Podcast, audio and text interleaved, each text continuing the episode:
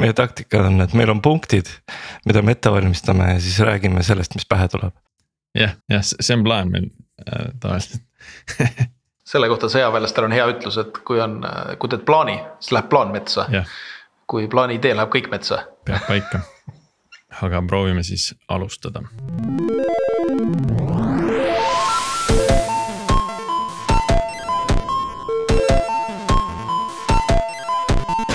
Tere jälle Algorütmi kuulama, eetris on meie saja seitsmekümne üheksas episood, mina olen Priit Liivak Nortalist ja minuga koos on taas Martin Kapp Pipedrive'ist.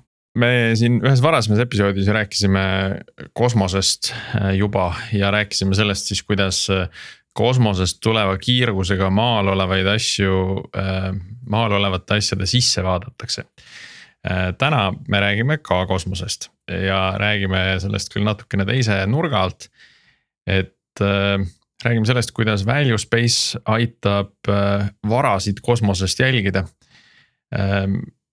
et kui on soov, ma ei tea, enda maamaja vaadata, et kuidas see aastatega küljeni vajub, et siis äh, Value Space teoreetiliselt äh, pakub selleks võimalust äh,.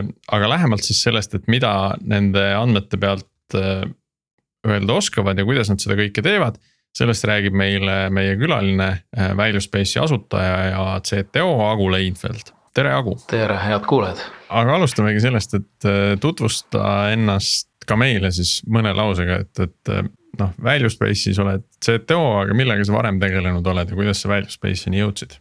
oi, endast rääkimine on sihuke kuri lõks, et siit te peate mind välja aitama, kui jutt lappama läheb, et. lasteaeda ma et, läksin. eks ol-, et kõik algusest peale ausalt ära rääkida, nagu asi oli. jah ähm,, tausta on äh, IT-sektoris ja, ja ütleme arendusega tegevusega seotud kuskil kakskümmend viis aastat, olen olnud äh, Telekomis äh, arendusjuht, Eesti, Eesti Telefon oli ta nimi, siis täna on ta vist juba Teliaks transformeerunud peale umbes kolme nimevahetust. olen ka riigisektori poole pealt olnud päris pika perioodi oma elust, umbes üksteist aastat kokku. kodakondsus- migratsiooniameti IT-juht perioodil, kus meil äh, võeti kasutusele digitaalne identiteet, tehti kõik need PKI lahendused ja võeti kasutusele X-tee, äh, siis olen olnud founder ka Eesti suurimale IT-majale ehk SMIT-ile.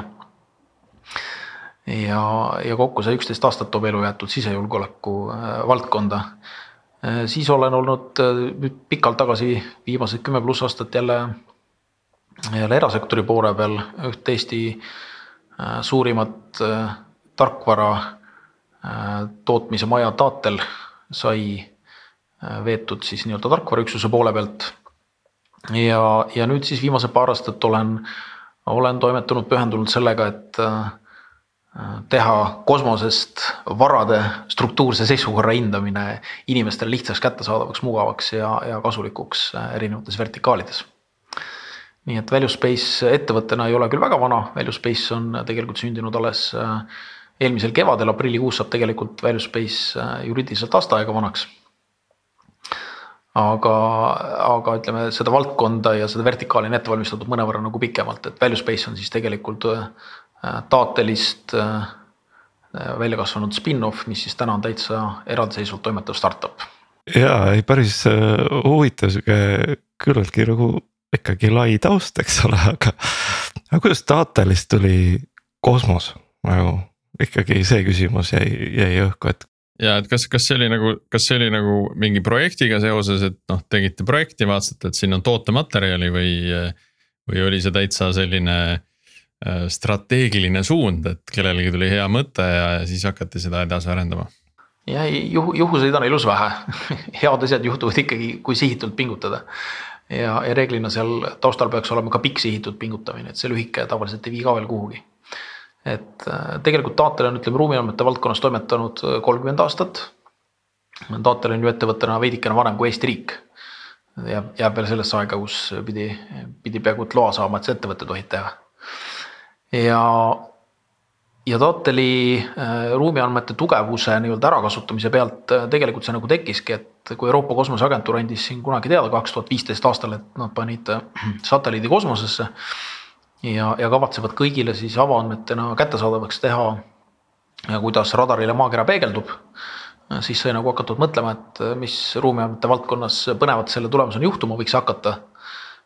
Esialgu sai hakata mõtteid ja ideid põrgatama, siis sai taateli omanikega kokku lepitud, et siin on üks tore tootearenduspotentsiaal peidus, sai maja sees üks tootearendus muude asjade kõrvale püsti pandud. kui selgus, et toode ja tehnoloogia teineteist väga hästi toetavad kõik see ruumiandmete pool ja kosmoseandmed, siis sai hakata testima erinevaid ärivertikaale ühel hetkel täitsa loomuliku arenguna kasvas sealt nagu välja see, et sellist asja ei saa enam hobi korras teha, et sellele peaks põhitööga pühenduma. Äh, siis sai selle jaoks moodustatud omaette äriüksus, kes ainult äh, nende tehnoloogiatega tegeleski ja vaataski ja, ja viis siis ühes konkreetses vertikaalis testimise lõpuni. ja kui asi oli piisavalt küps, siis äh, oli selge see, et taatelises asja tegemine enam ettevõtte ütleme sihukest nagu valdkonna kasvu ei, ei toeta, sest et paraku on see maailm niimoodi seatud, et et äh, vanadele ettevõtetele äh, raha kaasamine ja vanadele ettevõtetele meeskonna kasvatamine on ühtemoodi ülesanne ja maailma vallutamine ja, ja teistmoodi võrgustiku kasvatamine eraldiseisva kehana annab hoopis teised võimalused, allikad ja, ja kanalid seda asja nii-öelda nagu teha, nii et see spin-off äh, tekkiski sellise teadliku siis taktikana, et taatri strateegias saigi sõnastatud, et lisaks sellisele custom tarkvara ärile Äh, rohkem fokusseerida ka tootepõhisele ärile, siis sai see tootepõhine liin ka kuskile püsti pandud, siis ära tehtud ja siis ka spinnitud. nii et see protsess tegelikult oli sihuke, ma isegi ütleks äh, viis aastat tootearenduse, ütleme algusest. ja, ja et kaua tehtud mm -hmm. kaunikene, täna, täna me juba toimetame täitsa kenasti. see on, see on vist tavaline nähtus, et äh, sellised noh, ütleme teenusettevõtte sees toodet arendada on väga raske, et lihtsam mõistlikum on, on see täiesti eraldi nagu spin-off'ina välja panna. aga millega siis Value Space tegeleb, et kas see, mis ma siin episoodi alguses ütlesin, et ma saan oma maamaja vaadata või, või noh, et saab, saab mu naabrimees vaadata, kas tema mets on alles või noh, et kas see peab, peab paika? ja see, see tegelikult peab paika, et kaugseire on selles mõttes ääretult nagu kihvt valdkond, et äh, kui paljudes kohtades ütleme, inimeste hirmud on seotud sellega, et issand jumal, et äh, keegi jälgib meid kakskümmend neli seitse ja teab kõike, mida me teeme. siis mul kõikidele nendele natukene paranoilistele inimestele on hea uudis, et, et seda tehakse valimatult üle maakera kõikide kohta kakskümmend neli seitse juba viimased kaheksa aastat. aga et, aga et see seire ei ole nüüd päris selline, et teid sealt isikuna õnnestub välja lugeda küll aga natuke suuremad objektid, äh, sihukest infrastruktuurset mõõtu asju, näiteks sinu näide oli siin äh, ütleme ka maamaja. võib juba olla objekt, mis äh, kosmosesse niimoodi peegeldab, et tõepoolest mm naabrimees saab tulla piiluma, kuidas sinu saun vajub. aga, aga, aga maamaja kõrval olev äh, kuivkäimla, et kas see juba jääb pisikeseks? et mis see, mis see miinimum on, mis sealt nagu välja mõõdad? et Äh, kuigi ka M-Night ei pruugi jääda pisikeseks, et selles mõttes see signaali peegeldus kosmosesse on nagu huvitav, äh, huvitav nähtus, et äh, kuigi tegemist on statistilise meetodiga, mis vaatab päris suurt ala, ütleme kahemõõtmelises ruumis selle piksli suurus võiks olla niisugune noh, ütleme viis korda kakskümmend meetrit. Äh, mis ei ole nagu väga väike piksel, siis päriselus on see, et kuna objektid ei ole kahe, kahemõõtmelised, hoolimata sellest, mis, mis osad valdkonnad usuvad ja räägivad. maakera ei ole lame, ta on ruumiline igas mõttes. et suuremas ja väiksemas skaalas ja see väiksemas skaalas ruumiliseks olemine, see tegelikult äh, teeb selle ruumi tiheduse natuke suurema, sest et äh, need ruumilised objektid ja need majad ise, kuna vaatenurk orbiidilt, kuidas satelliit vaatab, on nelikümmend viis kraadi Äh, siis tegelikult äh, see püsti olevad majad annavad hoopis palju parema pikslitiheduse, nii et ka ühele päris korralikule elumajale saab ikkagi juba päris mitme piksliga pihta, nii et kui on päris suur elumaja ja mingisugune lisahoone ka seal küljes, siis võib öelda, et isegi, et kumb nurk kiiremini vajub, mitte lihtsalt enam see, et kas maja vajub, vaid siis on isegi võimalik öelda, et millises nurgas see äh, vajumine kiiremini toimub kui teises. Ja, ja selleks, et see nagu päriselt toimiks, need materjalid, et kas nüüd teie käimla konkreetselt paistab sinna või mitte, et kui te panite sinna muru katuse või panite puitkatuse. no siis võib rahulikult oma käimla pärast äh, mitte muretseda. See ei peegelda kosmosesse, aga kui sattusite särava plekiga oma katuse üle lööma, siis radarile tegelikult väga meeldivad kõik tehislikud materjalid, talle meeldib betoon väga, äh, talle meeldivad metallist asjad väga, eriti meeldivad talle täisnurgad et äh, kui te olete sinna tugeva, tugeva terrassi teinud ja arvate, et puit teid päästab, siis ei, täisnurgad radarile meeldivad, ta nokib ikkagi signaali üles. nii et, äh, päris elus on jah, päris põnev vaadata neid nii-öelda neid reaalseid linna, linnaplaane või elamukvartaleid või, või mingeid tamme või kaevandusi või asju, et radar ikkagi näeb seda maailma nagu äär-, äärmiselt nagu põnevalt. ta näeb seda nagu teistmoodi kui meie, aga, aga see teistmoodi taju ongi, ongi hästi põnev tegelikult. Nii, aga ma saan aru, et see väikese maamaja omanik ei ole ikkagi see põhiline klient äh, Value Space'il, et, et kes see, kes see põhiline klient seal on ikkagi, et. et mille, mille jaoks nagu seda peamiselt kasutatakse? no meie tees oli, et äh, kus, kus sellisest teadmisest, et midagi tõuseb, vajub või langeb, äh, kõige rohkem kasu võiks olla, et meie tees oli algusest peale, et need on ikkagi mingid suured infrastruktuurid Äh, mille puhul äh, mõju ja, ja see, et struktuursed probleemid tekivad, on ka natuke suurema mõjuga kui ühe käimla äravajumine. et kuigi ütleme, käimla äravajumine võiks ühe perekonna kontekstis päris noh, ebameeldiv lugu olla, siis mõnevõrra ebamugavam on see, kui näiteks suur sild kaotab ühenduse mingi saare ja mandri vahel või, või mingi suur kaevandus kuskil äh, variseb kokku ja ja paneb tootmise seisma või, või kui suured ärihooned või energiatootmisplokid näiteks kuskil nagu hätta jäävad nii et äh, täna me oleme, oleme siis võtnud selliseks esimeseks äh, teesiks, mille pealt ettevõte liikuma on läinud, on siis see, et suured infrastruktuurid, me oleme keskendunud äh, kaevandustele. see on, ütleme sihuke suur ja keeruline ökosüsteem, sest et võib-olla tavainimese jaoks natuke arusaamatult on see, et kaevandus tegelikult suures osas koosneb üheksakümmend üheksa protsenti prügimajandusest, mitte, mitte sellest vähesest, mis sealt välja võetakse, ära müüakse ja, ja kuskile toormesse jõuab, vaid enamus sellest on ikkagi see, et enamus asju maa seest tuleb välja väga suure liiasusega. selle liiasuse kõrvaldamine, ladustamine ja siis selle toorme kättesaamine, see tavaliselt tekitab hästi palju mürgiseid äh, aineid, mida tegelikult loodusesse tagasi ei tohi lasta. nii et enamuste suurte kaevanduste kõrval maailmast leiame sellise nähtuse, mille nimi on tailing storage facilities eestikeelne tõlge, mis ma olen leidnud, lähim võiks olla mingi nagu settebassein äkki.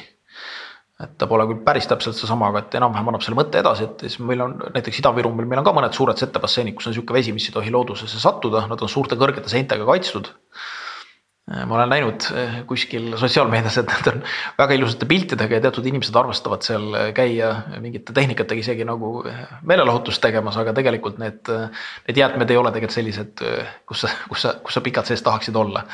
et nad on siis kas, sõltub, sõltub siis tehnoloogiast ja materjalist, mida kasutati, et see võib olla kas lihtsalt leeliseline või happeline või seda tüüpi mingisugune probleem, enamasti leeliselised või siis seal võib olla ka kuni siis ma ei tea, tsüaniidi või või mingisuguste arseenide või väga-väga mürgiste aineteni nii-öelda nagu välja, mida tootmisprotsessis siis on kasutatud, et saada. nii et eh, siis kaevandused on üks selline väga suur ja tugev ja selge valdkond, eh, siis eh, samamoodi väga oluline valdkond on tammid.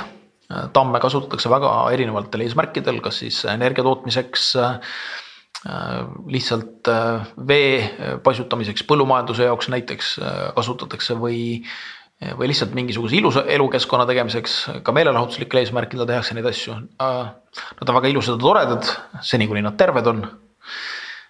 kui nendega midagi juhtuma hakkab, siis tavaliselt need mõjud võivad olla väga, väga, väga suured. aga kui, kui täpne, kui kiiresti seda siis äh, nagu noh, see satelliit käib sealt ju mingi aja tagant läbi äh, millist, äh, millist muutust sellega siis tuvastada saab seal tammi juures, et üks, üks nurk vajus kolm millimeetrit, no et võib-olla see on normaalne. vajubki ja tõusebki, vahepeal vajub, vahepeal tõuseb, see mingi maakoor liigub ja su mõttekäik on enam kui õige, et äh, päriselus ongi nii, et äh, füüsiline maailm ei ole staatiline, ta, ta kogu aeg liigubki. ja, ja tavaliselt põnevam kui see, et kas midagi tõuseb või vajub millimeetreid, kuna tehnoloogia, millega me kosmosest mõõdame, on tõesti väga täpne. tema standardveaks loetakse kaks koma üks millimeetrit.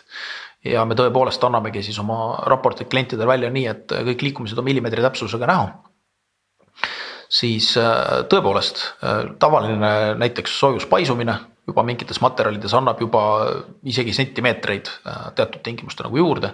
samal ajal mingite materjalide puhul näiteks nagu betoon on no, oma väga selged piirväärtused, kui palju ta üldse tohib liikuda. ja betooni puhul näiteks juba poolteist sentimeetrit liikumist on selline liikumine, mille puhul hakatakse juba rääkima, et ta läheneb sellise nii-öelda kande piirväärtuseni, et kuni see teras seal nagu paindub sees on kõik hästi, kuni ta üle teatud üle piiri läheb, siis toimub järsk järsk protsess, mille tagajärgi me keegi ilmselt tunda või näha ei taha. nii et igal äh, füüsilisel nii-öelda varal või, või asset'il siin maailmas on tegelikult nagu omad sellised kokkulepitud piirväärtused, standardid. et kui palju üks või teine materjal, ühe või teise kaldega nõlv või, või kui palju need asjad nagu toimida tohivad. ja, ja nüüd me jõuamegi tegelikult järgmisse väga huvitavasse kohta, et selleks, et kui ikkagi päris maailmas me tahame nagu väärtust luua, siis ei piisa ühest distsipliinist mm. -hmm, et peab see ehitusinseneerija peab seal kõrval nagu olema no näiteks, näiteks, et ei, ei piisa sellest, et me oleme näiteks siis ainult head mingi raadiosignaali tõlgendajad või ei piisa heast sellest, et keegi on mingisugune hea ruumiandmete kokkulappija. või ei piisa ka sellest, et keegi on väga hea äh, tõlgendaja, äh, mis see tavainseneeri mõttes tähendada võib, ka sellest ei piisa et üks korralik väärtusahel kokku panna, et sa tegelikult pead tundma ka valdkonna spetsiifikat, kuhu sa seda pakud. ehk siis, kui sa samade andmetega lähed kaevandusomaniku juurde, on vaja ühte vaadet, kui sa lähed kindlustaja juurde, on vaja teist vaadet. ja, ja kui lähed mingi järelevalveorganisatsiooni juurde, siis on võib-olla hoopis mingi kolmandat vaadet vaja, et kuigi seal ütleme, mingeid osasid saab päris palju nagu korduvkasutada siis nii-öelda see tegelik väärtusahel on ikkagi sihukese nelja kuni viie miinimum erineva valdkonna nagu teadmisi tegelikult kokkuviimine ja kui sa tahad veel konkurentsivõimeline olla ja, ja maailmas veel nagu ellu jääda, nagu tänapäeval on, et. siis tuleb sinna kõik need fancy märksõnad, millest tehnoloogia inimesed armastavad rääkida nagu suurandmed ja ai-d ja pattern detection ja kõik muud jutud ka veel sisse visata. et siis tegelikult hakkab nagu maailma tasemel alles looma mingisugune asi, mis väärtuspakkumise mõttes on piisavalt konkurentsivõimeline, unikaalne ja, ja ütleme ka hinna mõttes selline, et kliendid. või kuidas on, et seda kassid ostaksid aga ikkagi, mis see intervall on, et, et kui tihti neid update'e saaks nagu jälgida siis mingisugusele objektile? praeguse hetkeseisuga on umbes nii, et umbes kahe nädala tagant on, on siis äh, enamus osa nagu maakerast nagu kaetud, et äh, on, on küll teatud alad, mis ei ole kaetud ütleme, Euroopa Liidu kosmoseagentuuri ei ole ainukene andmeallikas, et on olemas erinevaid andmeallikaid, mis radariga maailma vaatavad ja, ja on võimalik ka isegi satelliitidele ülesannet anda konkreetset piirkonda väga suure tihedusega pommitada. kõige täpsemad kommertssatelliidid teevad isegi siin sihukese meetrise ja isegi alla meetrise resolutsiooniga pilti juba täna. See on juba päris äh, selline pilt, et kui sa ütleme, kui seda Euroopa Liidu kosmoseagentuuri pilti nii-öelda toorandmetena vaadata, siis see näeb välja sihukene nagu ütleme, mustvalge telekas staatiline pilt, et ega inimesel, kes kogemust ei ole, vaatab seda, ei saa sealt mitte midagi aru. ei selle upscale'id aga... ära ja siis on, vaatad kohe näod tulevad välja sealt jah, nagu ikka nagu, nagu Hackeri filmides tavaliselt, et äh, null megapikslisest kaamerast tehakse äh, kaheksa K kahe zoom'i klikiga.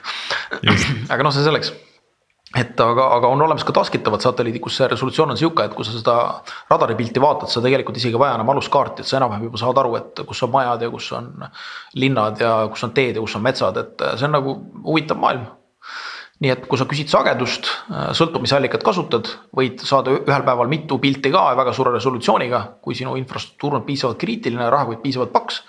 siis sa võid mitu korda päevas lugeda ülisuure tihedusega oma infrastruktuuri liikumist. Nüüd lõviosa stsenaariumeid ja suuremaid riske äh, tulevad tegelikult välja pikkades aegridades, nad ei tule välja selliste ühekordsete kahe mõõtmise vahena, vaid äh, pikkades trendides.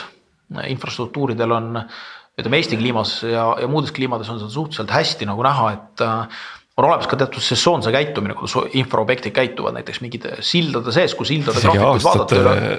pikkused trendid, eks ole. me, me noh, see on üks, üks näide, kuidas me asju teeme, et me võrdleme ka sesoonseid trende üle pikkade perioodide, et. Äh, näiteks sildade puhul on hästi kihvt vaadata, kuidas see isegi temperatuuriga seotud soojus paisumine otseselt avaldub infrastruktuuri üles ja alla nagu liikumises, et paned temperatuuri graafiku kõrvale ja voilà seletub, aga siis sa suudad ka leida sellises näiteks äh, sinuso-, sinusoidaalses liikumise sees ka mingeid trende ja asju, et näed ära, et on küll siinus. aga vaadake kolme või nelja aasta perspektiivis see siinus ikkagi ühes nurgas liigub ühtemoodi ja teises nurgas teistmoodi. nii et äh, sagedus äh, paar, paari nädalaga olete, olete te kõik maailmas kaetud, kõik, kes oma eraelu pärast kardavad ja oma sauna tahavad varjestada, peaksid siis iga kahe nädala tagant teki jälle peale tõmbama oma välikemmergule. murukatus, murukatus. Mur-, murukatuse peale tõmbama iga kahe nädala tagant. kas, oota, aga need satelliidid, mis üle lendavad, kas nende graafikud on kuskil avalikult ka olemas, et ma saan nagu teada, millal see sat-, satelliit jälle üle lendab, et siis. oi, see satelliitide jälitamise teema, see on väga vana ma tean, et mu naise kadunud isa, tema töötas kuskil ka mingisugustes äh, vägedes kuskil äh, kuskil maal, kus, kes just jälgiski nende satelliitidega seotud asju, tema ütles niimoodi, et kõikide satelliitide liikumise graafikud olid nagu bussigraafikud seinte peal. Ja siis kõik sõjaväetegevus käis selle järgi, et mis kellaaja järgi tõmmati uksed kinni ja uksed lahti, oli täpselt see, kuidas satelliidid liiguvad. muidugi noh, tänapäeva ütleme satelliidi katuse puhul sa peadki kogu aeg kuskil mulla all olema, et sa välja ei paistaks. aga jah, see, need on, need graafikud on teada, aga kahjuks on nii, et vaatajaid on rohkem kui üks. ja ükskord eh, ühel aastal sai avatud talude päeval sellist kunstitalu väisatud, kus oli siis selline projekt üles pandud, mis jälgis eh, lennugraafikuid ja iga kord, kui siis lennuk üle lendas, siis äh, äh, talu keskel posti otsas olevatest ruuporitest äh, kuulutati välja siis kõlaval häälel, et mis on see lennuki number, kust, kuhu ta lendab äkki oli midagi veel, aga noh, ühesõnaga iga kahe-kolme minuti tagant käis seal mingisugune teadaanne, et, et nüüd on see lennunumber. ma ei tea, Tallinn-Frankfurt on ju läks üle et satelliitide kohta mulle tundub, et saaks midagi sarnast teha, et eh, hakkab lähenema varjuge. kui seda pilti nüüd vaadata, siis satelliitide hulk kosmoses on läinud nii suureks et äh, on, on täitsa tõsine probleem, et näiteks astronoomiliste vaatluste tegemine maalt on nii raskendatud lihtsalt sellepärast, et äh, sul on peaaegu võimatu juba saada pilti, kus sul mingit asja ei lenda parasjagu seal üle, kui sa pika säriga pildi teed. siis tõenäosus, et sa satelliidi peale saad, on ikka ääretult suur juba. ma mäletan, et see oli juba kas kunagi üle kümne aasta tagasi, kus iganes mingis teadusajakirjas oli ka pilt sellest, kuidas satelliidid katavad juba maakera ja juba siis oli see, et et see, see tihedus oli suur, aga nüüd ma ei kujuta ette isegi ja et kõik saadavad sinna satelliite, mõni paneb isegi autosid ülesse, noh, ma ei tea. Nii, kui ma nüüd äh, enne kui me läheme sinna suurandmete ja, ja selle andmetöötluse juurde, mis on, mis on kindlasti väga huvitav teema ja mida väga paljud meie kuulajad ootavad korra räägiks sellest satelliidi, sellest radari tehnoloogiast ka, et mina küsisin enne episoodi äh, chat GPT käest, et noh, et millega sellist asja teha võiks. tema ütles, et seda tehakse äh, sellise, sellise asjaga, mille nimi on synthetic aperture radar. ehk siis SAR ja siis on mingisugune in-SAR on veel olemas, millega tehakse põhimõtteliselt, ma ei tea, viis pilti ja siis pannakse need kokku ja saadakse veel täpsem tulemus kui, kui hästi chat-GPT mind haris, äh, kas, kas see peab paika või tehakse seda hoopis kuidagi teistmoodi? jah, chat-GPT paneb hirmuäratavalt tihti hirmu, hirmuäratavalt täpselt küll nii, nagu see asi on, ta haris sind sellel korral õieti.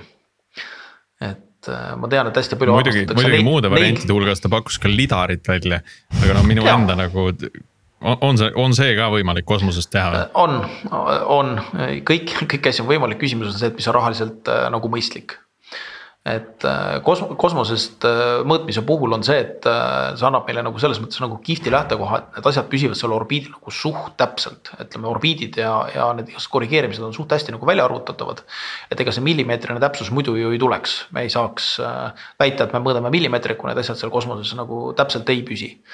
kasutatakse lidareid ka nüüd lidarite puhul on pigem levinud see, et lidareid kasutatakse kas drooni või lennuki pealt et äh, tema nii-öelda see punktitihedus ja see pilv, mis tuleb, on nii üliväga suur, et sealt kosmosest sellist asja nagu haarata, kosmosest on üks probleem. me võiksime lidari kosmosesse ka ju panna, aga kui sa saad nagu liiga palju andmeid, siis sa pead mingisuguse hullult äh, vinge andmeside lahenduse selle kosmoses oleva sensori ja maa vahele nagu tegema. ja vot see on see, millega täna ollakse nagu hädas, et, et sa võid sinna üles, ütleme, sensorid, mis üleval suudavad olla, on täna juba paremad kui see jäme link, mille me suudame siis selle kosmoses oleva sensori ja maa vahel nii-öelda nagu pidada et siin toimub igasuguseid äh, optimeerimisülesandeid, mida tehakse äh, satelliitide pardal, näiteks kui ortofotosid tehakse, siis äh, püütakse välistada, et ei ole mõtet maa peale saata neid pilte, kus pilvkate on peal, sest et noh, mis sa seda valget pilti nagu vahid. et tõmbad oma lingi täis, aga andmeid ju tegelikult nagu ei tule, on ju. siis vot radari puhul on nüüd kihvt asi see, et radar läheb ka läbi pilvede et miks on radar, ütleme andme, andmeallikana hästi unikaalne on see, et kõik, kes on ortofotode aegridadega edu, elus pidanud tööd tegema, nad teavad, et seal on päris pikad augud sees, on, on kohti maakeral, kus sa ei, näed võib-olla ainult kuu aega äh, üldse seda maakera seal nagu nende pilve alt korraks äh,. Inglismaa võib-olla kõige tuntumad inimesed teavad, kus on see, et pidevalt sajab, on ju, mis tähendab ka seda, et ega sa seda ortofotot sealt kergelt ei saa, siis radari pilt on katkematu. ta tuleb läbi vihma, ta tuleb läbi pilve, noh, tõsi küll, äh, ütleme, kui lumi tuleb maha, ikkagi on paks lumi, siis sealt ta läbi ei lähe Äh, see Sentinel üks missioon, millest me siin räägime, et äh, tema, tema radar ei tungi läbi pinnase, on ka sellised radarid, mis kergelt lähevad läbi taimestiku ja natukene ka maa sisse. see sõltub sellest ribast, äh, mis parasjagu nagu kasutatakse. aga, aga see nii-öelda INSAR ja ütleme Euroopa kosmoseagentuuri avaandmed, mis on siis kõige paremini maakera kattev allikas. et need on küll katkematud, kuni ei tule maha lumi või, või arvestatav paks kiht vett, ütleme, see võib ka signaali oluliselt võib-olla moonutada, aga ta on ikkagi päris hea, ütleme andmeallikana ta on ikkagi päris hea, et see nii-öelda mure üles leida, kui kellelgi on struktuurne mure. kui suured, noh, kui sa ütled nüüd, et see lidari andmestik on liiga suur, et seda nagu maa peale pumbata tagasi. et äh, kui suured need radari andmed äh, on? Jah, siin on nüüd mingisugustes, kui me radari andmestest räägime, mis tervet maakera kakskümmend neli seitse katkematult kaheksa aastat on pommitanud, siis me jõuame kiiresti siin kümnete petabaitideni. no aga kui me võtame on... selle ühe nii-öelda snapshot'i, mis nüüd tehakse kuskilt sealt ülevalt äh, mille pealt saaks juba midagi järeldada? mälu järgi ma peast ütlen, see oli umbes neli giga ja see oli päris suur ala, see oli vist kakssada viiskümmend korda kakssada viiskümmend ruutkilomeetrit. Noh, päriselus me nii suuri alasid korraga noh, harva töötleme, päriselus ilmselt need infrastruktuuri huvid, mis on, on mõnevõrra väiksemad alad, et siis võetakse sellest omakorda üks väiksem SWAT või, või alamosa milles seda asja nii-öelda nagu tehakse, et see üks ülelend ei pruugi olla kohutavalt suur, aga ütleme, kui tehnoloogilist võrdlust tuua, siis tõepoolest selle. Me oleme jah, selles mõttes väga huvitavas äris, et, et äh, me, kuidas ma ütlen, meie tootmise sisendiks on palgid ja me oma klientidele pakume hambatikke et see andmehulk, mis sealt lõpuks nii-öelda sellest toorandmetest välja jääb ja mis inimesele väärtust pakub ja mis aegrida tehakse, et need suurusjärgud erinevad ikkagi palju nulle Mm -hmm. no juba see, kui sa ütled siin, et kaks korda viis meetrit piksel ja siis te seda millimeetrist nagu täpsustajate seal muutustes äh, taga, et see, see on juba päris muljetavaldav. Ja see tehnoloogia on päris lahe, et äh, kõik, kes sellega on esimese hooga kokku puutunud, alustavad siukse, ütleme inimesele omase tervisliku kahtlemisega. meie alustasime ka sellest, et me omaenda talukoha Äh, hoovi peale lasin inseneridel püsti panna sellised äh, et-, etalonmõõtepunktid korraliku betoonalusega ja.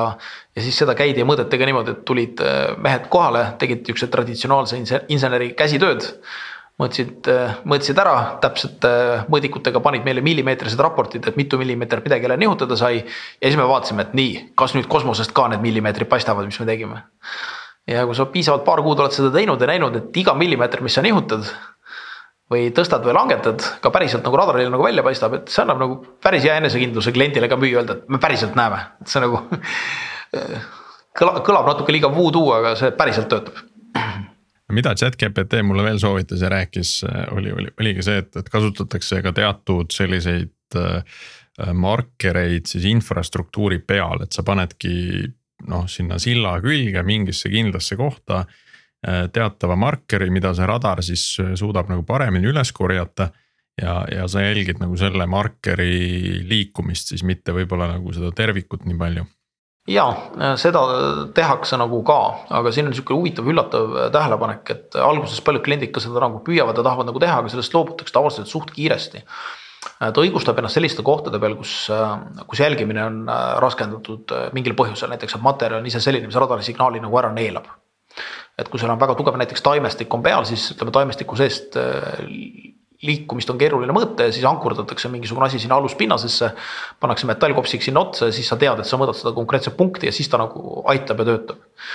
aga, aga jah, üllatuslikul kombel see radarisignaalid tõlgendamine on päris vana nagu distsipliin ja see on nagu järjest paremaks nagu läinud, et.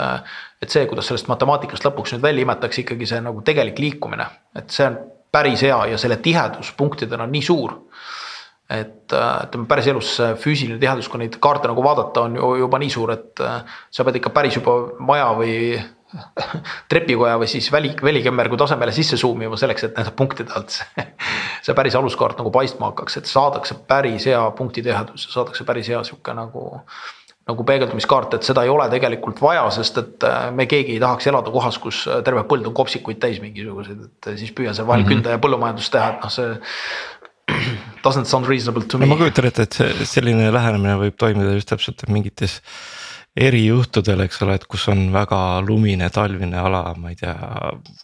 Põhja-Norras või. kus ongi see lumi kuskil. peal, eks ole, ja sul on vaja nagu ikkagi seal mõõta, aga siis sa pead hakkama seda kopsikut puhastama tubli, ju ka, sest. tubli, ega, ega lumi ju kopsikusse ei lähe, ta ju väldib ju kopsikut on ju kopsiku kütad ära ja siis sulab maha kogu aeg. teed, teed siukse kopsiku, kopsikule teed automaatika juurde veel ja no. tänapäeva elektriarvete puhul tahaks veel õues olevat metallkopsikut ka kütta, make sense. Eh, nii, aga räägime siis, räägime sellest tehnoloogia poolest ka, et.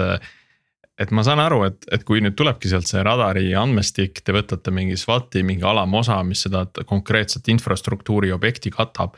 selleks, et neid muutusi seal tuvastada, on ju tarvis eh, kogu seda aegriba sellest samast alast eh, kuskile salvestada, kuidagi hoida.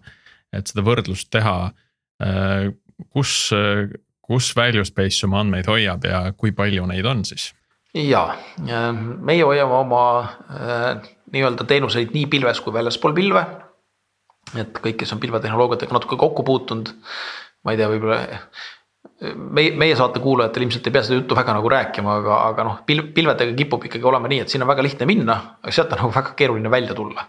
et ta kipub olema sihukene nagu one way, one way ticket, nii et me oleme strateegia mõttes algusest peale öelnud välja selle, et et meil on kõik asjad niimoodi püsti pandud, et äh, me peame olema võimelised ka oma klientidele teenust siis pakkuma, kui, kui pilvedega midagi peaks nii-öelda nagu juhtuma, see ilmselt nagu arhitektuuri ettevalmistamisel on päris mõistlik nõue, sest et äh, ei pea loobuma üldse kõikidest konteineritest ja, ja äh, kõikidest nendest asjadest, mis äh, IT, IT ja eriti levituse poolega seotud inimestele väga nagu meeldivad.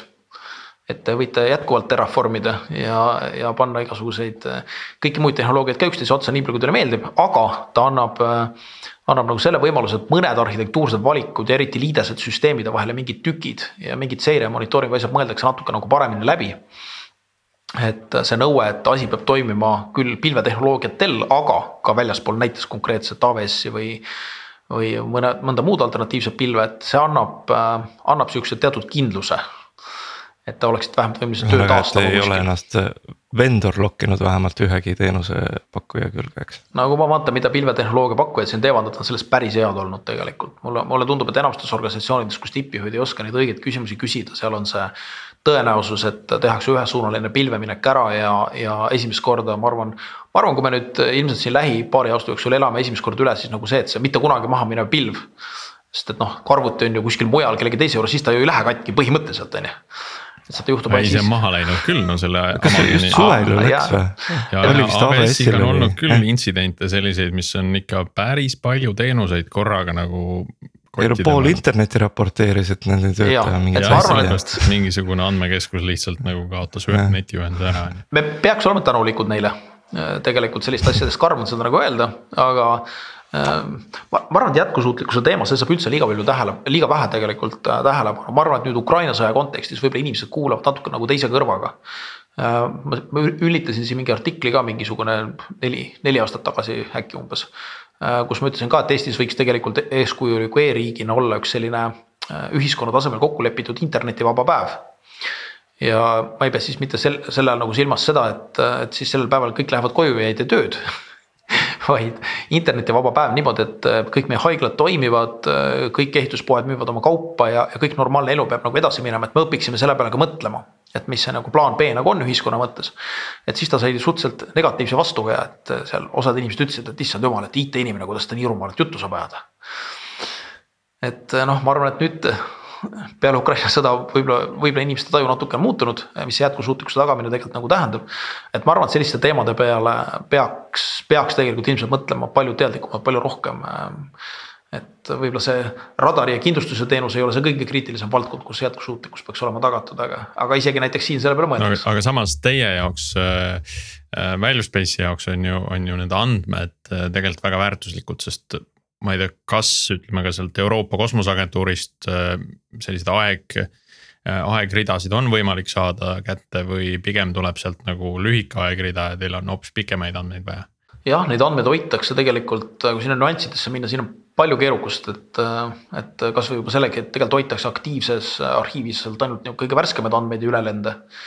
Et kui tahad mingisuguse objekti pikka aegrida saada, siis käiakse neid asju lausa arhiividest välja toomas, lindirobotid seal kuskil taustal sebivad ja see võib isegi päevi aega võtta, kuni nad need asjad kuskil kokku toovad ja, ja nii-öelda nagu üles laevad, et see üldse nagu ligipääsetavaks muutub. just, just, sest need andmemahud on nii suured on ju, et nad, nii. neil ei ole, neil on vaja nagu optimeerida igal, igal võimalusel. nii, aga kui me nüüd vaatame seda noh, et, et andmed on, on kahes kohas arhitektuurselt, noh, see on selline, ma arvan, selline tervemõistuslik harjutus, et äh, mõelda, et me hakkame nüüd uut featuuri tegema selleks. umbes saaks kasutada seda, seda AWS-i teenust, eks ole, aga kuidas me saame seda teha nagu teistmoodi. et, et me ei kasuta seda pilveplatvormi pakutud monitooringu lahendust, et mis lahendusi me siia kõrvale saame panna, et, et sedasama võimekust saavutada et see on selline hea alternatiivide kaalumine. mitte, mitte siis nii-öelda pimesi sinna pilve poole hüppamine, et ah, seal on see ots olemas, et võtame ja kasutame, et see ei ole alati kõige mõistlikum. aga kui nüüd seda tehnoloogia poolt vaadata, et äh, milline see, see muu tehnoloogia pinu seal on, et. et millega neid radari andmeid töödeldakse ja noh, kas seal on kas seal on mingisugused ai mudelid, mis sinna peale on ehitatud, mis seda muutust tuvastavad või on, käib see hoopis lihtsamalt ja matemaatilisemalt? ja noh, ütleme selles mõttes on see su küsimus väga hea, et kuigi tegemist on avaandmetega, siis võib kõigil jääda tunne või mulje, et ma nüüd lähen sinna Euroopa Liidu kosmoseagentuuri kodulehele ja hakkan andmeid alla laadima ja siis vaatan, kuidas naabrimehe saunanurk õnnelikult allapoole läheb. et noh, päriselus on see, et need andmed toorandmete töötlemine radari puhul ei ole väga triviaalne ülesanne. et seal on ikkagi päris palju matemaatikat, aga kuidas siis selles peegelduses tehakse see, mis siin lõpuks on nagu liikumine.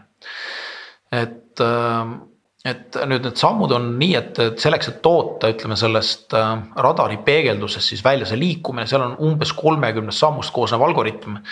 Äh, mis on ikkagi niisugune puhas kõrgem füüsika ja matemaatika see on üldse kogu selle seikluse nagu eeldus ja ütleme, kui ma meie väärtusahelast räägin. kui palju sellest, kui palju sellest on selle nii-öelda value space'i noh loodud või kui palju on nii-öelda äh, noh, teistest uurimismaterjalidest ja nii-öelda off the shelf või riiulist võetud lahendusi selle, selle töötlemiseks? see on reaalne kombinatsioon et selles mõttes siin tuleb, kui sa sellest tehnoloogiast piisavalt palju nagu aru saad, siis sa saad aru, kus on see osa, millega ei tasu ise tegeleda kus on kavalam usaldada nagu teadlaseid, matemaatikuid ja lasta mõnel mätt läbi library'l midagi nagu teha.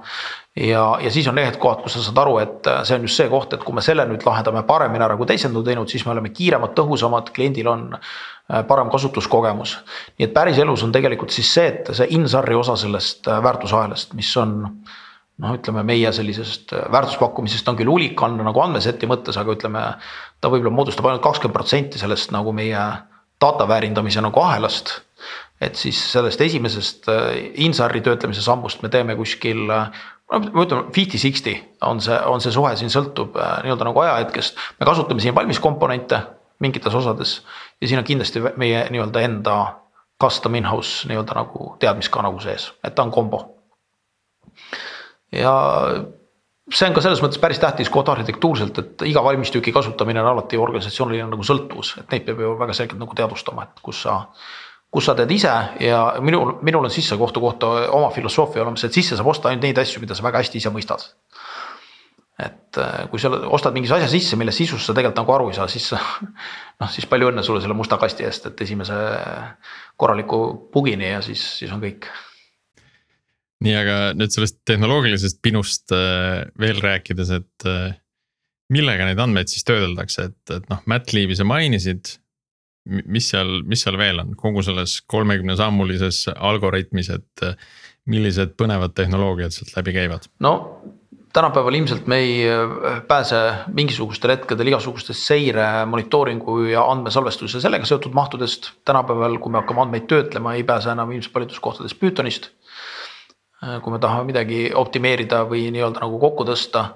ja, ja tõepoolest on sul selles mõttes ka nagu õigus, et kuna selle nii-öelda äh, INSAR ütleme tehnoloogiana, see termin on remote sensing. Sensing, mõelge nüüd insenerid.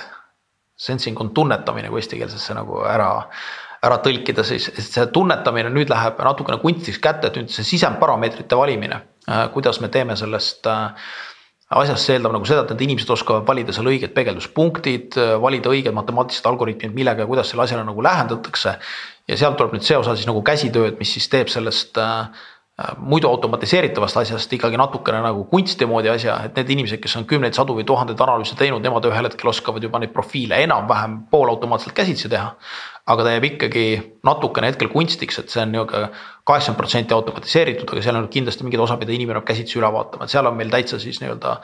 Javade ja muude selliste asjadega tehtud omad, omad tükid nagu vahele, mis siis inimese jaoks selle tema osa töö teeb võimalikult lihtsaks, et ta ei oleks. Äh, ta on küll automatiseeritud, äh, aga inimesele äh, tehtud tööriist ja seal on siis Pythonit, Javat ja, ja veel mingisugused, ma arvan, pigem triviaalsemaid asju, mis siinkohal võib-olla ei ole olulised ja, ja nagu ma ütlesin, selles mõttes, kui sa tehnoloogia stack'ist nagu küsid, siis see on ikkagi tegelikult seikluse algus, sest et ega selle sarja andmete pealt inimene ühtegi järeldust otse teha ei saa. nüüd tuleb ta viia äh, ruumiandmete konteksti, siin tulevad tavalised ruumiandmete tööriistad, asjad juba mängu, on ju, igasugused. Äh, meil on küll suhteliselt palju nagu vabavaralise maailma asju, näiteks äh, Postgred, PostGIS-id ja ütleme seda tüüpi nii-öelda nagu asju. siis sa jõuad nende sammudeni, kus sa töötled sellest samast Äh, Insar andmetest ja ruumiandmetest kokku mingisuguse hinnangu mingi struktuuri asjade kohta. eks siin on jälle siukseid äh, traditsionaalsemaid Javaga seotud erinevaid äh, pe pe perekondi. Ja, ja osasid, mis on nagu tehtud ja, ja me tegelikult oleme teinud nii, et meil see tootmise tehase ja töötlemise liin, kus me siis nagu kliendi jaoks tegelikult toodame sellest asjastki järeldused ja riskiprofiili, seal on nagu ühed tarkvarad kasutusel, siin kõik tuleb KISS-i maailm mängu ja sellega seotud tööriistad ja, ja siis, kui sa kliendi jaoks lõpuks selle asja nagu profiili kujul välja serveerid, et näed, sinu struktuursed riskid asuvad sellistes nii-öelda nagu asukohtades. Äh, siis seal on juba pigem siuksed nagu front-end tehnoloogiad ja äh, lähme sihukeste Reactide ja muude asjade maailma, kus on muud põnevamad asjad juba, juba nagu kasutusel. nii et äh, kõige põnevam osa meie tehnoloogia stack'ist, kui sa küsida tahad, läheb siis nüüd selle peale, et me siin eksperimenteerime, et me oleme loonud iseenda jaoks äh, inimesed on tuvastanud mingid mustrid, kui sa piisavalt palju seda maailma vahid ja ühte tüüpi objektiga nagu tööd teed, siis ühe. alguses on Matrix, ühel hetkel on punase kleidiga naine. et siis need mehed, kes on neid rohelisi, rohelisi ekraane piisavalt palju nagu vaadanud. et nemad on hakanud juba seal taga mustreid nägema, siis nüüd me täna eksperimenteerime, töötame nagu sellega, et. et kas need andmehulgad ja objektide hulgad on nagu piisavalt suured olnud, et, et näiteks mõnda nendest mustritest saaks ka juba automaat hakata tuvastama aga noh, siin see päriselu on keeruline, kõik, kes on ai-ga tegelenud, te teate, et selleks, et ikkagi jõuda jõuda mingi mustri tuvastuseni, need miinimumvalikud ühe nagu varaklassi kohta on ikkagi päris suured. räägime siin kümnetest tuhandetest pluss üles minevatest numbritest, et, et mm. -hmm. ja kümmet tuhandet silda on nagu päris raske. mõelge maailmas, kui palju on neid inseneribüroosid, kes on oma kogu eksistentsi jooksul teinud ära kümme tuhat silda, aga, aga ei saa salata, et meie ambitsioon sinna täpselt liikuda ongi. et äh, me tegelikult täna tegelemegi sellega, et me oleme võtnud siuksed traditsionaalsed insenerid ja, ja igasugused muud teadmised nagu hästi palju maailmast igatepidi nii-öelda nagu kokku, et meie usumegi, et see väärtusahel päriselt tekibki nii, et. Äh, sa viidki kokku kümnete erinevate valdkondade teadmised, automatiseerid need nagu ära, jätad inimese sinna mõistlikult järele valvama ja teed talle head tööriistad, et tema osakaal oleks küll võimalikult väike, aga et tal oleks ülevaade sellest ja, ja treenid seda automaati, mida te kõik seal teete kodudes täna, kui te chat GPT-ga teete, et te enda arvates eksperimenteerite. tegelikult olete te kõik tasuta tootearendajad, kes treenivad automaati, vot et eh, eks meie ka sinnapoole liigume. mul tuli üks mõte, et kui need andmed nüüd sisse tulevad ja noh, neid on, et see on nagu tegelikult ka see, et, et, et lõpus ma tahan teada lihtsalt jah või ei kas see on mingi maja vajus või mitte, aga seal vahepeal on meeletu nagu müriaad erinevaid tehnoloogiaid, andmeid tehakse ühtepidi, teistpidi, kolmandat pidi. ja siis tuleb see kõik sealt välja, aga, aga, aga mis, kui, kui tihti on nagu sihukest asja, et sisendandmetes võivad olla mingisugused, juba sisendandmetes on mingisugused vead nagu sees. või ütleme, et alas on, kui palju on selliseid alasid, mida satelliit tegelikult vaadata ei tohi, et kas, kas seal pildil on see ala olemas ja sina võtad selle välja. või on need juba algpildist välja võetud mingisugused sellised piirkonnad? et Euroopa Kosmoseagentuur teeb tegelikult päris head tööd ka selle toorandmete ettevalmistamisega, et äh, tegelikult see nii-öelda laiatarbega alla laetav andmehulk, mis sealt juba nagu tuleb, ta ei ole see nii-öelda layer, layer one, äh, mis on see täiesti toorandmed, mis sealt nagu satelliidi pealt tulevad. vaid seal on juba tehtud teatud tüüpi nagu normaliseerimist, et sealt on mingid atmosfääri müra on juba kõrvaldatud ja neid on omavahel kokku viidud ja geokodeerimist parandatud ja seal on nagu üht-teist ikkagi juba tehtud. nii et nad on juba natukene rohkem väärindatud kui puhas data stream satelliidi pealt et selle koha peal väga tahaks, väga tahaks nagu, kuidas ma ütlen, kiita või nagu tunnustada, et kui me Euroopa Liidu puhul tihti näeme ainult neid asju, kus kus meil on inimestena keeruline mõista, et miks peab banaani kõverus olema reguleeritud või, või muud siuksed näited, mida inimesed armastavad nagu tuua. siis on, on kohti, kus Euroopa Liidus ütleme kehtestatud põhimõtted ja, ja see asjaajamise meetod ise on nagu hästi-hästi nagu tunnustamist vääriv.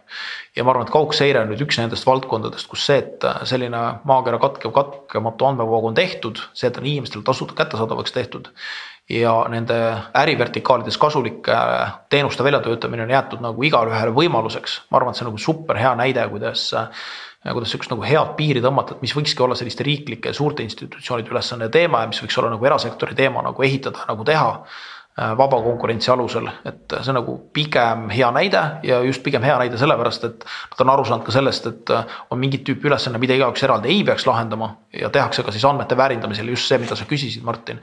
Äh, tehakse päris hästi ära, et see esma, sa võid seda kvaliteeti päris hästi usaldada et sa saad sealt pealt teha juba nagu järeldusi. et loomulikult see üksiku konkreetse punkti tasemel ei kehti see jutt, mis ma räägin, sa pead ikkagi aru saama, otsa vaatama, sa pead aru saama, kus see müra on. kuna me tegeleme statistiliste mudelitega, siis tegelikult iga aegrea ja, ja ütleme kliendile esitatava punkti äh, sihuke keskmine kvaliteet, meil on see pandud oma äh, teadusartiklite lugemiste pealt, me oleme teinud oma järelduse, mida me usaldame, mida mitte. ja siis ka konkreetse varaklassi ja konkreetse kliimavööndi kohta me oleme pannud enda jaoks paika, et mida me üldse näitame kliendile usaldusväärse lugemine, mida mitte ja, ja noh, loomulikult tuleb aru saada, et see kõik on statistiline, mis tähendab seda, et üksikmõõtmine võib olla selgelt väga ebatäpne. aga ütleme, pikad aegread ja, ja punkti klastrite kogumid tervikuna on äärmiselt usaldusväärsed et see on niisugune huvitav, huvitav statistiline mudel maailma kohta mm. -hmm aga nüüd ütleme need trendid ka, et, et täpselt, et, et meil on pikk aeg, eks ole, kus me saame neid usaldusväärseid trende juba looma hakata, eks ole. mis on see, mis on see vähim aeg, mille pealt nagu võiks juba mingisuguseid järeldusi teha, et eks ole, et, et meil on teada, et jah, et, et temperatuuridega mingid materjalid liiguvad, eks ole, meil on noh aastas temperatuuri kõikumine, me saame selle ilma infost kusagilt kätte, eks ole, jällegi sinna juurde.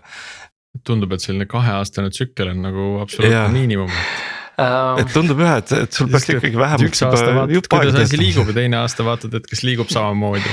jah, tegelikkus on õnneks natuke rõõmsam, ei ole nii nukker. Äh, tegelikult on selline kvartaalne ülevaatamine tundub täna olevat selline täiesti nii-öelda nagu mõistlik sest et äh, ülelendatud arv esiteks saab olema piisav, kui ta, kui ma ütlesin ennem lause, et iga kahe nädala tagant toimub siis nii-öelda see uus äh, lugemine. siis esiteks tekib piisavalt palju lugemeid ja teiseks on ka siis see, et kui vaadata kord kuus otsa, siis võib lihtsalt juhtuda see, et on lihtsalt see juhuslik müra selles signaalis või see, et see üks lugem osutus nagu valeks, et selle mõju võib olla natuke nagu liiga suur. nii et täna meil on siis, meil on nii kliente, kes siis kord aastas uuendavad ja võtavad oma objektide kohta tagasiside ja, ja meil on tegelikult kõige levinum mudel sellele nii-öelda current analysis on siis äh, quarterly ehk siis üks kord kvartalis äh, uuendatakse see, see aegrida nagu ära. kas ookeanis äh, olevaid õliplatvorme või naftapuurtorne on ka võimalik sellega jälgida, sest seal ma kujutan ette on päris suur liikumine. jah, ja ma ja aus vastus on see, et oleme isegi seda nii-öelda nagu üritanud ja see tegelikult ei ole Äh, selle tehnoloogia rakendamiseks hea koht ja see probleem on hästi huvitav. Äh, me tegelikult näeme radariga äh, sellist asja, mille nimi on suhteline liikumine.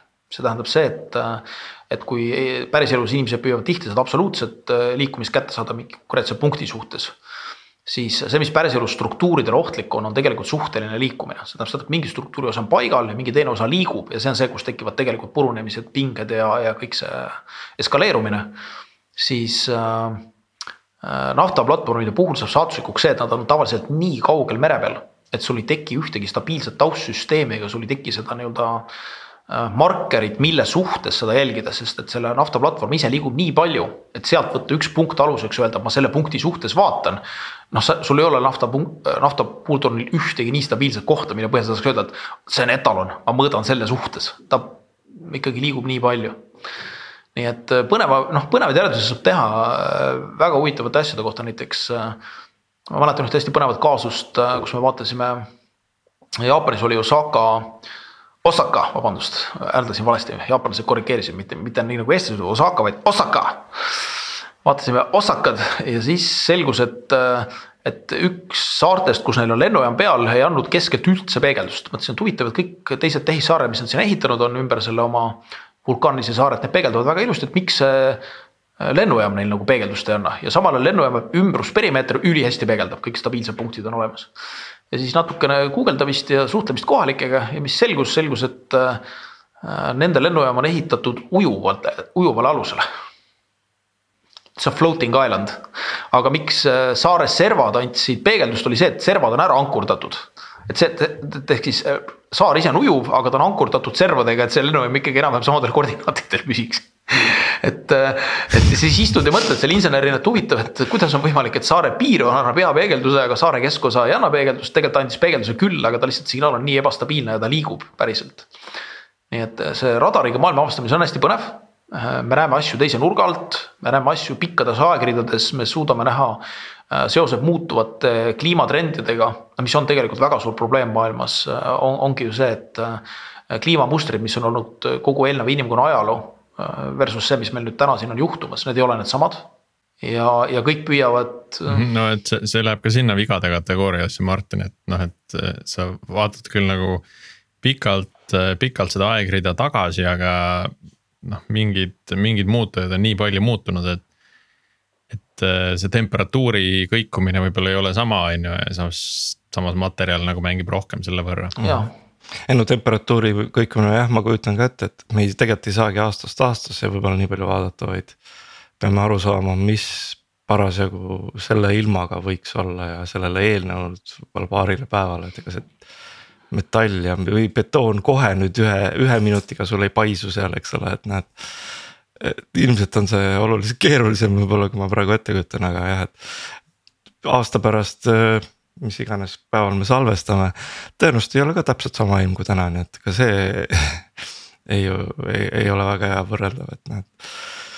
lihtsalt väga põnev on, et mil, mis, mis siis see nagu see baseline või baasinfo või baaspunkt on, eks ole, mida sa võtad, eks ole, et kas. Seda ei olegi ilma..., kõik on nii suhteline. Ja, aga kui sa suurel skaalal saad jälgida, siis kõik statistiliselt tegelikult ju noh, ongi lahe, et see taandub nagu välja, et ütleme. kui te mõtlete manuaalsete tehnoloogiatega, kuidas täna inimesed asju ajavad, noh, ütleme kõik koduomanikud on ilmselt kursis, et kui te hakkasite kodu ehitama, siis tulid mingid mehed, tegid mingit geoaluse pärast ehitusprojektile pandi ka mingid asjad paika, siis tegelikult seda tehakse sellise, eestikeelne termin on reeper reepervõrgustik vist on eestikeelne sõna selle kohta jah. et võetakse kuskilt linnast mingisuguse maja või hoone või, või mingisuguse geoloogiliselt tähistatud koha pealt mingi punkt ja öeldakse, et selle punkti suhtes on sinu maja siis noh, nagu paigas. aga tihti keegi ei tea, et see reepervõrgustik ise võib ka liikuda. eks ja noh, kujutage ette, mis see, mis see nagu päriselus tähendada võib, kui seesama nii-öelda benchmark äh, leveling network ise on nii-öelda nagu paigast ära ja siis kõik ehitatakse mingi asja järgi, aga see pole omavahel nagu balansis. nii et selle suuremale mastaabile minek, see radaritehnoloogia annab hästi põnevaid, põnevaid vaateid ja asju ja.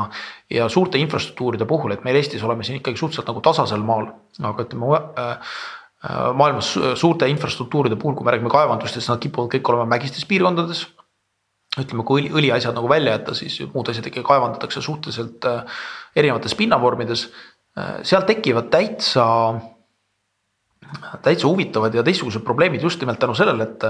et kui sa ei saa, sa oled fikseeritud selle maa peal oleva asukohaga, inimene peab käima ja mõõtma nii-öelda noh, nii-öelda ground level, kõik sinu vaatepunktid, mis sul on, sul ei ole stabiilset punkti õhust vaadata, sa vaatad kõiki asju ground level ja sa ei märkagi teatud tüüpi liikumisi. sest et sinu vaatenurk on fikseeritud tasapinnaga ja see, et radar nüüd suudab rippuda päris stabiilselt neljakümne viie kraadise nurga all siis nüüd inimesed õpivad ka tõlgendama seda, kuulge, et me ju esimest korda näeme asju hoopis teise fikseeritud nurga alt ja siin on hoopis teised nähtused, teised protsessid. et siin on ka terve hulk nagu hästi põnevat teadust, mis on seotud sellesama vaatenurga muutusega. et äh, need traditsionaalsed versus nii-öelda need uued asjad kokku viia, et see on hästi põnev. aga minu jaoks on hästi huvitav. aga see siis tähendab seda, et äh, vabandust, su lõpetas, lõpeta mõte ära. et minu jaoks hästi huvitav olnudki, olnudki just see, et äh, et kui me tahame nagu midagi hästi kihvti nagu teha päris elus või päris maailmas, et kui palju sa pead tegelikult kokku viima äh, erinevate valdkondade nii-öelda seda nagu kuidas öelda, viimast sõna innovatsiooni, et sul ei piisa ühe valdkonna, sa pead hästi kümnest valdkonnast selle nagu kokku otsima. ja siis tavaliselt see, mis sa õppima hakkad või see järeldus, mis sa teed, see on hoopis teistsugune, kui sa arvasid, et näiteks mina ka ei noh, ei, ei arvanud, et kui me alustasime seda nii-öelda äh, kaugsõrje radartehnoloogia valdkonda, et äh, väga põnev saab olema see, et see, et me asju teise nurga alt vaatame et see on võib-olla tavainseneerile midagi, mida nad peavad alles hakkama harjutama, et mõtlema, et kuidas me seda kokku viima sellega, kuidas me oleme harjunud toimetama